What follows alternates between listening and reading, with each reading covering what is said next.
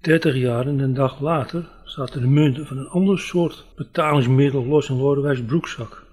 De kniptrekken hoefde dus niet eens, wat de koop alleen maar bespoedigde. Twee, de jongen schudde het hoofd. Nee, vier euro meneer. Er was een volleerd marktkoopman aan toevoegend dat hij het nergens goedkoper kreeg. Afdingen dat hem het gevoel gaf iets bij de tijd op te tellen. De tijd dat het moment een beetje duurder werd in plaats van goedkoper. Zou wel iets met zijn leeftijd te maken hebben als optelsom van afgeprijsde waan. Voor een appel en een ei op de kop tikken van een begeerd object. Een beetje het gevoel een dief te zijn. Op een bepaald moment in zijn leven kon hij niets meer doen zonder het idee te hebben iets van een ander te jatten. Maar ook steeds vaker het gevoel zelf een slachtoffer te zijn van een vermogensdelict. Bijvoorbeeld bij het afrekenen van de boodschappen. Wat hem als pedagoog steeds meer deed twijfelen. Niet alleen aan zichzelf, meer nog aan zijn medemensen. Schepsels die hem bedoeld dan wel onbedoeld een kunstje proberen te flikken. Was dat niet de kern van het economisch gebeuren? De ander een poot uitdraaien? Dat wist hij nog uit de stalling van zijn pa vroeger. Die zei bijvoorbeeld tegen een klant die een band had leek gereden dat deze poreus was. Het rubber was dan op. Een belangrijke bron van inkomsten voor Apostel senior. Poreus als vonnis over de portemonnee van een fietsende pechvogel. Die konden dan de knip trekken. Een poepflapje of twee. Voor als het rubber van de buitenband ook nog geen sporen van slijtage vertonen. En het canvas was te zien.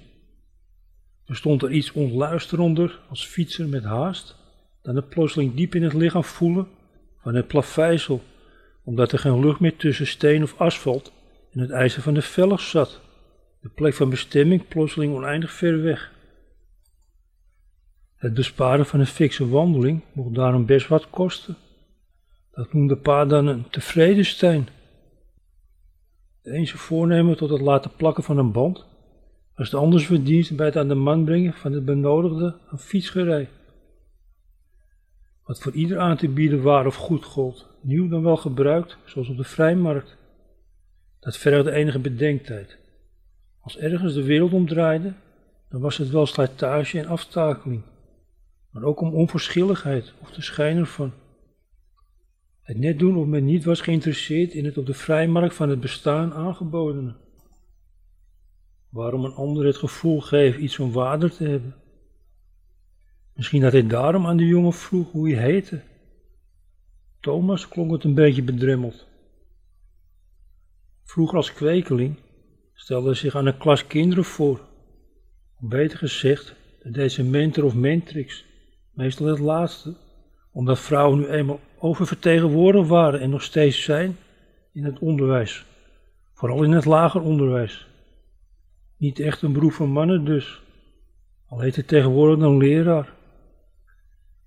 Het menselijk streven bij een beroepsgroep te willen horen, een paar sporten hoger op de maatschappelijke ladder. Maar daar was eind jaren 70 nog niet echt veel sprake van, in de basale overdracht van kennis door een meester of juf. Dit is Lodewijk en die gaat jullie een les geven vandaag. Hij wil namelijk net als ik onderwijzer worden. Dan ging hij voor het bord staan als een moeilijk te nemen hindernis richting het spelkwartier. Wat in de praktijk nogal tegenviel. En de klas alvast een voorschotje nam op het gillen en schreeuwen buiten op het schoolplein. Maar steeds vaker was er sprake van een stilzwijgende, gewapend soort van onderwijskundige vrede Net of een klas wist dat hij helemaal geen onderwijzer wilde worden. Ergens waren kinderen best wel vergevingsgezind, meer dan een volwassene. Een juf, die hem als eerste les op een school in de pijp ooit een liedje liet zingen met een zesde. Altijd is Kortjakjes ziek. Een trolachtige vrouw die een reus van een kwekeling voor de leeuwen gooide. Kuil vol welpen die voor het eerst een prooi mochten vangen onder toezicht oog van ma. Het gevoel dat hij misschien beter in dienst had kunnen blijven als soldaat met een typdiploma. Wat was dat vredige barakkenkamp een paar kilometer onder Assen, plotseling ver weg? Er werden er drie. Het bedrag legde hij als een stapeltje monetaire vreemdheid Nooit zou hij wennen aan de euro, nog niet in honderd jaar, in de opgehouden jongenshand. Het kroningsoproer kon aan zijn boekenbezit toegevoegd worden. Al met al voor een prikje de eigenaar van een bedenkelijk stukje verleden. Snel thuis doorheen bladeren en er daarna nooit meer een blik inwerpen. Voor de tweede keer de gang maken door de odeur van verbrand varkensvet zag hij niet zitten. Helemaal omdat verderop, na een korte pauze, de show van het Hollands lied werd hervat. Daarom liep hij snel met het boek onder de arm in tegenovergestelde richting via de Lijnbersgracht terug naar huis. Achtervolgd door een flat Nederlandstalig vals, met gejuich begroet door het aanwezige publiek. Als hij boven aan de hemel staat, is net of alles beter gaat. Alles ziet er anders uit als de zon schijnt. Ruimte zat plotseling. Geen zielige uitstallingen meer met overbodige huishoudelijke artikelen. Voor een prikje te koop aangeboden keukengerei.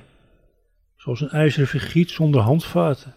Dat beter met het oud vuil meegegeven kon worden. Wat toch wel gebeurde morgen. Wanneer de stadsreiniging de restanten opruimde voor het weer begamer maken van de trottoirs. Het klein over het hoofd geziene meesterwerkje van een vroege Rembrandt in spijt. Of een met pastelkrijt gemaakt melkmeisje. Een paar straten verderop tevoorschijn komend onder een dikke laag plastic bekers, dat er als noppenfolie overheen lag. Wie weet wat hij zelf nog tussen de bladzijden vond thuis. Of beter gezegd erop. Behalve gevochten werd er ook gekroond op 30 april 1980. Stiekem hopend op een kleurenfoto van een jonge Beatrix in de hermelijnen kroningsmantel, terwijl ze de eet op de grondwet aflegt. De stem verzon hij er wel bij. Zo waarlijk helpen mij God almachtig. Een stem waarvan alleen een geluksvogel als prins Klaus het orgastische andere uiterst had gehoord in het hemelbed. Of hooguit een nieuwsgierige lakij als luistervink op kasteel Drakenstein. Iets wat er veel liever was geweest dan pedagoog, paasje aan het hof. De majesteit dienen, dag en nacht klaarstaan om het staatshoofd door een leven vol loodzware verplichtingen te loodsen. De eigen kleinheid in dienst stellen van het grotere, veel grotere koninklijk in de wereld. Wat dat betreft was een leven als dat van hem inderdaad eentje van fout en verkeerde keuzes. Het ergst aan oud worden vond hij misschien wel het terugblik op iets dat het niet of nauwelijks nog waard was gezien te worden, zelfs niet van een afstand. Of misschien een klein beetje, wetend dat tijd nu eenmaal een val de verkeerde kant op is. Wat misschien maar goed is ook. Eeuwigheid paste alleen de goden.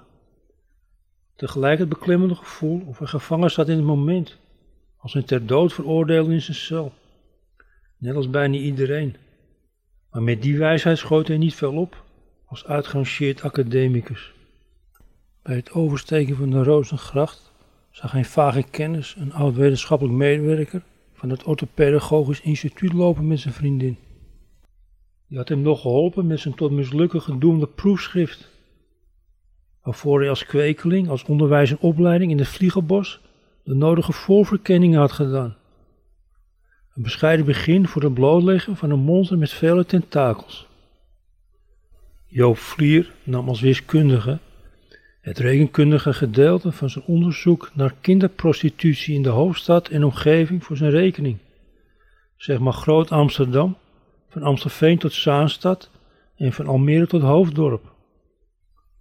Een gewaagd proefschrift met als ondertitel het door hem op een regenachtige namiddag in de verlaten studentenbiep op de derde verdieping van het OPI in een opwelling verzonnen tippelen voor een zak geld. Dat schreeuwde hij de auditief gehandicapte medewerker toen in het oor.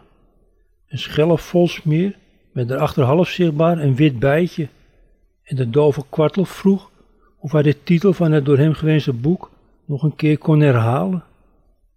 Maar toen was Lodewijk alweer bij de lift, vast van plan de onderzoeksopzet de volgende dag in te dienen bij het ministerie van Onderwijs. Ja, dat was andere kost dan Maria Montessori. De zoon van een fietsenmaker die het tot dokter in de pedagogische wetenschappen zou schoppen, als er niet op het gebied van de statistiek een spaak in het wiel werd gestoken.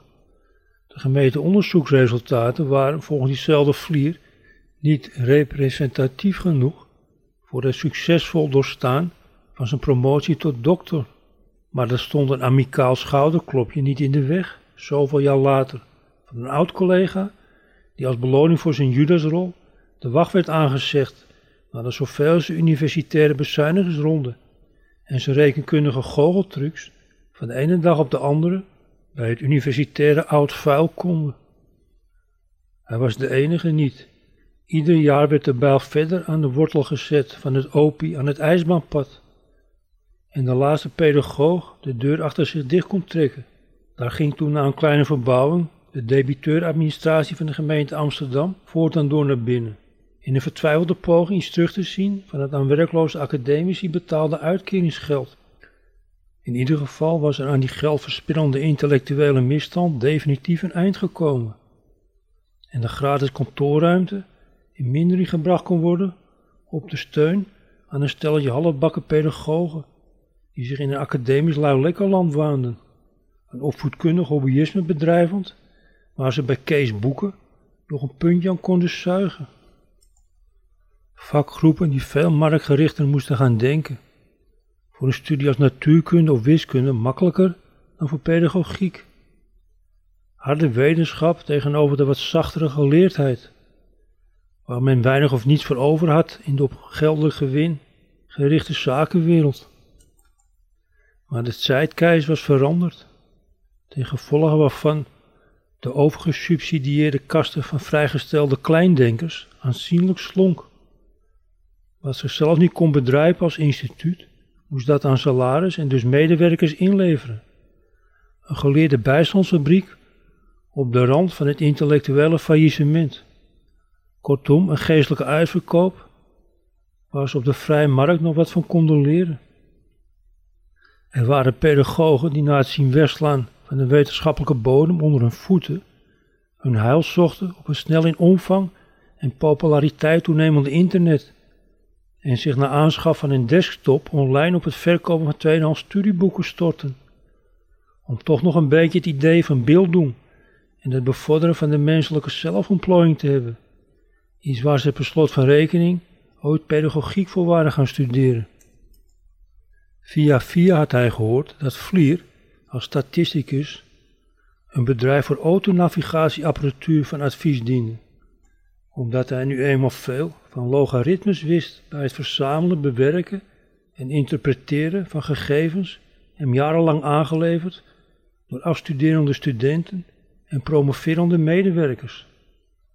Na introductie op de beurs schoot het aandeel Tom Tom omhoog, om een paar jaar later weer even hard te dalen als financiële kermisattractie, toen de omzet vanwege toenemende concurrentie terugliep de winstgevendheid van de routeplanner zijn grens had bereikt en zelfs omsloeg in verlies. De man die hem ooit als student had geleerd zo effectief als mogelijk te leren omgaan met onzekerheden, had zijn slag toen al geslagen. Wat zich niet in zijn manier van kleden uitte. Want het was nog even show als vroeger, ondanks de door hem geïncasseerde tonnen aan optiegeld. Flitskapitaal waarvan hij zijn graantje meepikte, maar ook niet meer dan dat. Zo droeg hij geen Burberry, maar een houtje touwtje jas met gevoerde capuchon, dat hem op het pedagogisch instituut op een student onder studenten deed lijken en hem nog steeds het aanzien gaf van een slome duikelaar met hersens. Mede door het schoeisel aan zijn voeten, vormeloze flatten met duimen dikke zolen, die vroeger druivenpersers of Karel Dolmannetjes werden genoemd maar het een Argentinië verkochte vliegtuigschip van de Koninklijke Marine en Nederland als militaire zeevarende natie definitief had afgedaan. Nog wat gekocht vandaag, Lodewijk? Ik wilde net een sinaasappelpersje voor anderhalf euro op de kop tikken. Maar Tilly zegt dat we die al hebben thuis. Zal ik even voorstellen aan een oud collega? Het hoofd met een sikje op de kin draaide zich van hem naar zijn vriendin. Een bijna meisjesachtige verschijning, met een vrolijke uitstraling in het volle maansgezicht. Hij stak aarzelend zijn hand uit. Maar geheel onverwacht kuste de jonge vrouw van de oude statisticus hem snel op beide wangen. De olijke knijpoogjes nog verder dichtknijpend, bij het twee keer drukken van de lip op zijn gezicht. Hij rook alcohol, goedkope zoete rode wijn, toen ze zei dat ze Til heette, weer terugtrekken van haar hoofd. Lodewijk, zei hij, zeg geen raadwedel met de hand, was er toch maar even in kneep voor de vorm. Iets dat een rilling van opwinding door zijn lichaam deed gaan. Een gevoel van jaloezie maakte zich van hem meester, afgunstig op de rekenkundige, die zijn slag blijkbaar ook op liefdesgebied had geslagen. Een somberstemmende jaloezie die zich niet liet verdringen door de vrolijk wapperende rood en blauwe vlaggetjes op de bus van lijn 52 die recht door de Manningstraat inreed en pas morgen, wanneer de stadsreiniging zijn werk had gedaan, weer de normale dienstregeling over de Rozengracht zou hervatten naar het Centraal Station, terwijl die in zijn hoofd een omleiding van 30 jaar ging maken, vanwege door hem op de kop getikte duik in het verleden.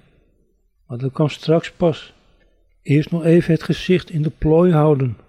Oh, kijk eens Joop, Bodewijk heeft een boek gekocht.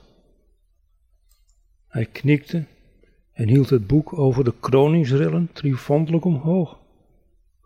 Zo ging het in 1980, toen we een nieuwe vorstin kregen, zei hij wijzend op de kaft, waarop een linie ME'er stond met een schilder voor de borst.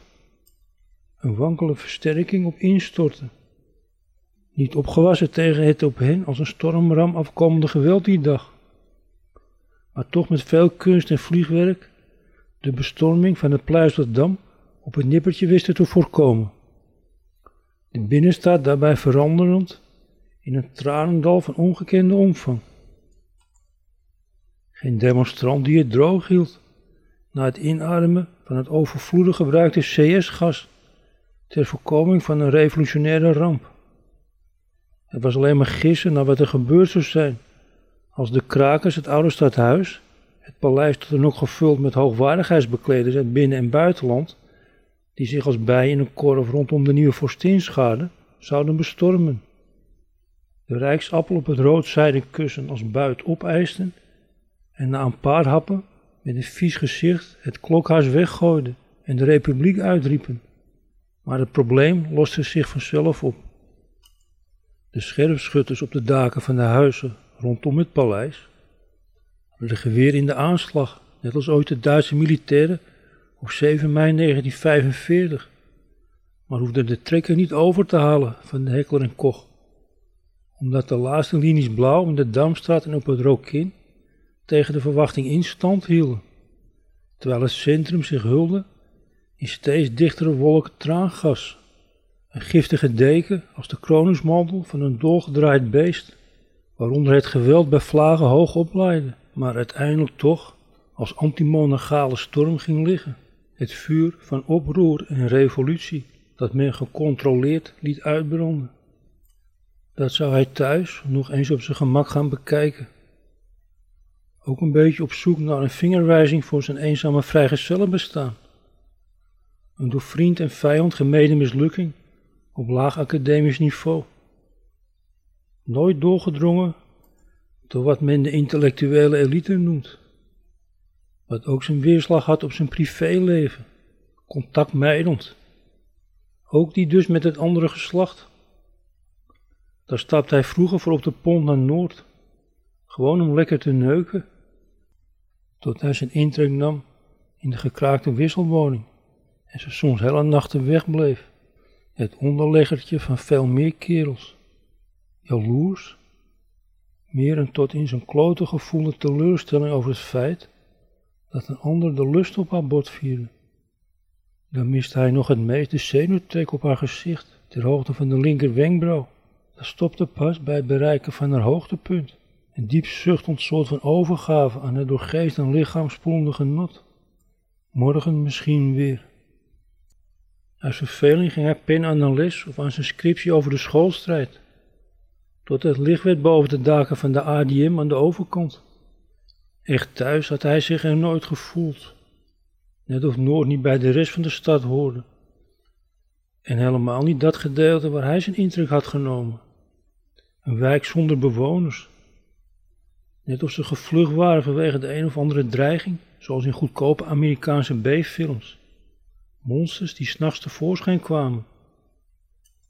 Maar het enige monster dat hij op de meeuwelaan zag, was die van de eenzaamheid en de verveling, wanneer zijn vriendinnetje weer eens een nachtje doorzakte. De slaap niet kunnen vatten in een vreemde en verlaten buurt. Dat was Oud-Zuid plotseling vertrouwd. Zelfs Oud-West, waar hij tot zijn dertiende woonde, op een steenworp afstand van de stalling van pa. Die kwam daar in zijn blauwe suffertje om een uur of zeven de trap op. Zo'n smalle met een welving. Net een stijl bergpad, beklommen door een kleine zelfstandige, met handen die zwart zagen van het vet van kapotte tandwielen en versleten fietskettingen. In Noord was het allemaal laagbouw, dichtgetimmerde benedenhuizen met kleine verwaarloosde voortuinen vol onkruid. Ook op de Meeuwelaan. Alleen waren de huizen er hoger, drie of vier verdiepingen, voor de ramen triplex schotten. Dat maakte het allemaal nog veel treuriger en troostelozer wanneer hij na een doorwaakte nacht de deur achter zich dichttrok van de gekraakte wisselwoning op de hoek van de Lijsterweg en gebogen richting de sluizen liep. Dan nam hij om half acht de pont naar het centrum voor het geven van een les als kwekeling op een hospiteerschool. Meestal wel goed te bereiken met de tram of de bus.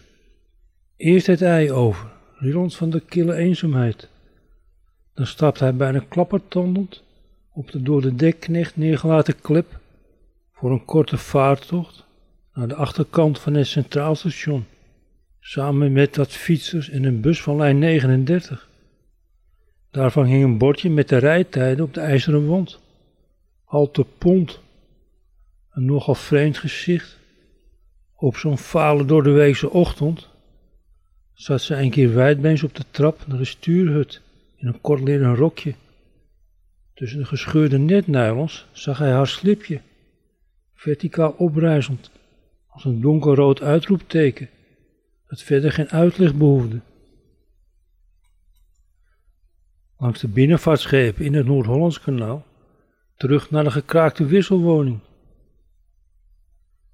Die aardeskundeles als kwekeling kan volgende week wel een keer.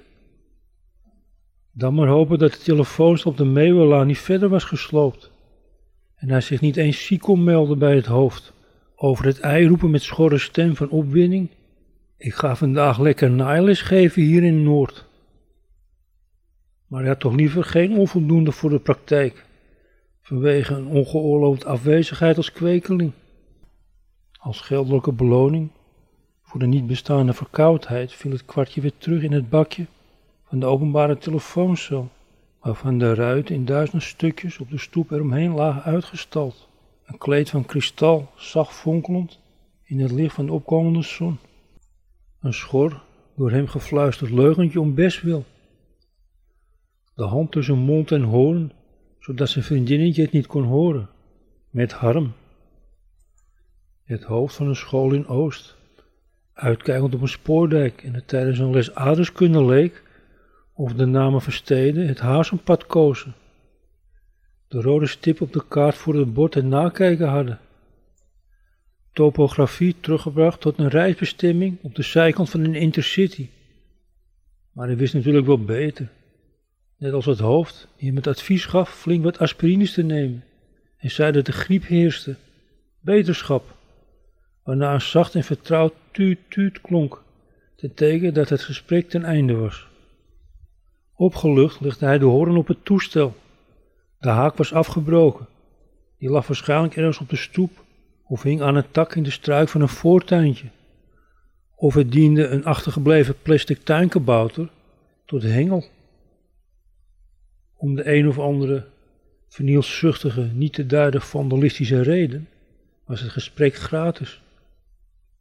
Wat hem weer deed stijgen naar 18 de ingeving de halve wereld af te bellen op kosten van de PTT. Ze ving telkens op goed geluk in een gat met een getal. Dat waarschijnlijk minder opwindend was dan een nummertje met zijn sexy vriendinnetje op de draaischijf van een wankel, beetje schuin op vier stoeptegels staand, twee persoons. Geen lantaarnpaal die nog licht gaf op de Meeuwelaan. wat het allemaal nog veel troostelozer maakte dan het al was, terwijl de ochtend mondjesmaat de boel verder kan verzieken binnen. Maar de geilheid liet zich er niet door uit het veld slaan. Reden waarom ze het gordijn maar dicht lieten. Het laken dat met twee spijkers aan het kozijn zat bevestigd, gewoon zo lieten hangen. Gelukkig geen buur aan de overkant, die door de scheur konden zien wat zich binnen afspeelde aan opwindels. Honden werden ook niet meer uitgelaten, want hun baasjes waren met ze naar Almere vertrokken. Die deden een plasje op een zandvlakte zo ver als het oog reikte. Vandaar al die dichtgetimmerde woningen in de Vogeltjeswijk. Pioniers die het waarschijnlijk niet makkelijk hadden bij het doen van de boodschap in de stad van de toekomst, aan de andere kant van het IJmeer. Net als de paar in Oud-Noord, achtergebleven winkeliers. Bij hun op de hoek aan de overkant van de Lijsterweg, een kruidenier die nauwelijks nog klanten had. En misschien wel uit gewoonte de winkel opende s ochtends. In ieder geval niet voor het verkopen van de zuivel, de deur van het slot deed ondanks de procenten korting op het bord boven de toonbank. Kaas voor de helft van de prijs of een ei voor een stuiver. Ontbijtjes die voortaan werden genuttigd in de stad, lineaal recht gebouwd, op het aan de vroegere Zuiderzee ontworstelde land. Wat Noord misschien ook ooit was, maar tot een vaste oefenverbinding met de rest van de stad is het nooit gekomen. Dat was ongeveer de woonsituatie waarin hij verkeerde in het eindexamenjaar op de Pedagogische Academie. Er kwam tot overmaat van ramp ook nog een doofstomme tweelingzus bij, via een bus van lijn 39 zijn leven inrollend op de valreep. Of het zo moest wezen, daar dacht hij soms nog wel eens aan, van die kleine geheugenbeetjes uit een ver verleden. Tijd dat de plaagstootjes gevende kwelgeest eens definitief werd afgeschud. Daar hoefde hij niet voor in therapie het woord alleen. Hoewel het tegenwoordig ook ter aanduiding werd gebruikt voor de genezing van lichamelijke kwamen, wat niet wegnam dat het heden pas echt het heden genoemd kon worden, als hij het verleden niet meer als last zag. Hoe licht ook, omdat er niet op een bevredigende manier een afsluiting had plaatsgevonden.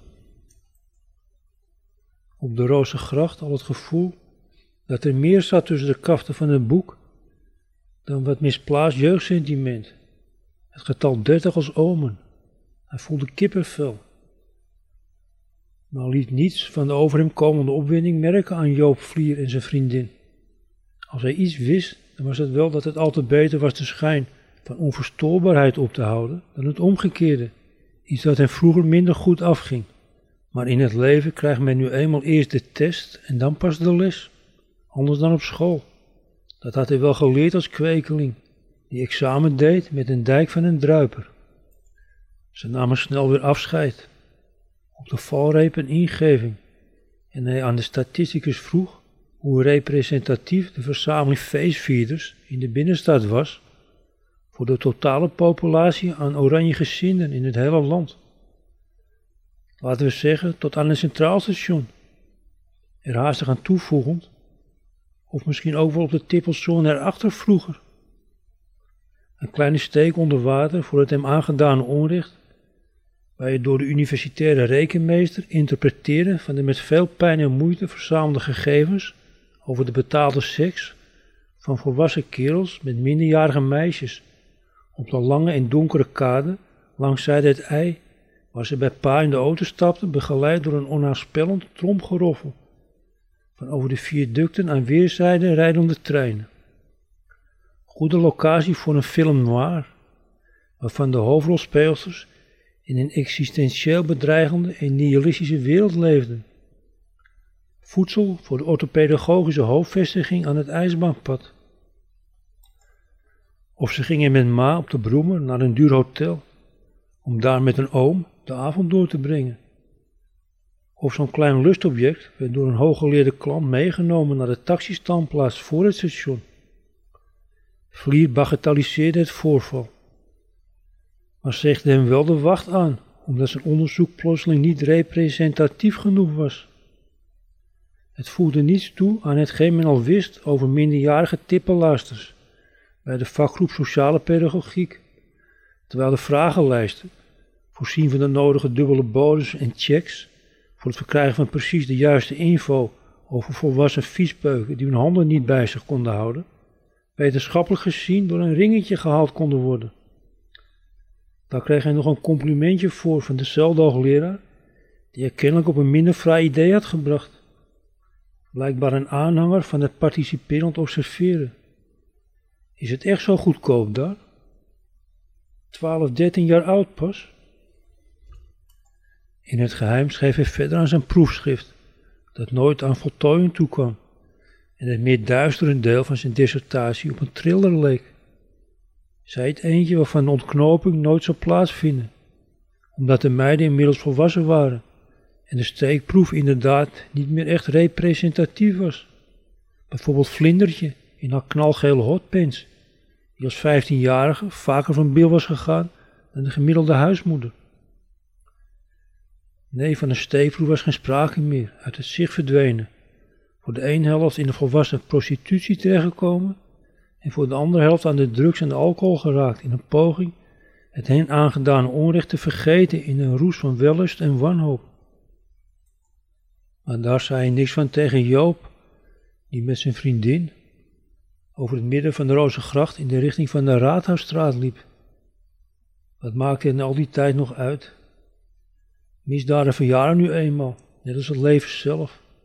Een gelopen race, waarvan het sop op een gegeven moment de kool niet meer waard is. Of de wijzer niet de klok, die het als excuus gebruikt bij het telkens opnieuw gaan richting de twaalf.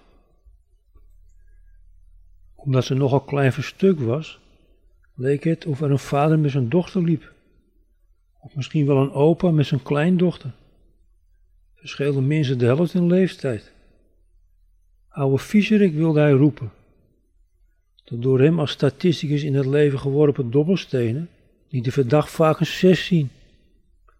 Net of ze verzwaard waren en de uitkomst van tevoren vaststond.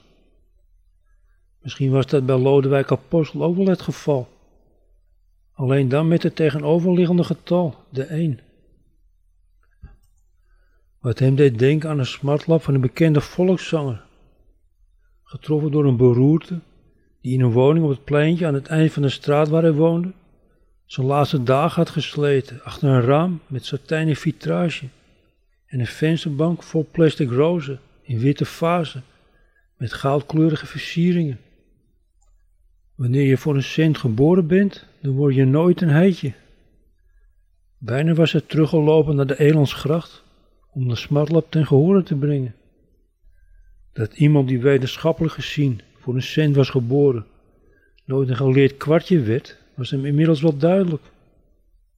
Wat hij zich als stapelaar eerder had moeten realiseren bij de overstap van de MAVO naar de HAVO. Wat achteraf gezien het begin van een onwijskundige odyssee was onderbroken door 16 maanden dienstplicht als soldaat-typist.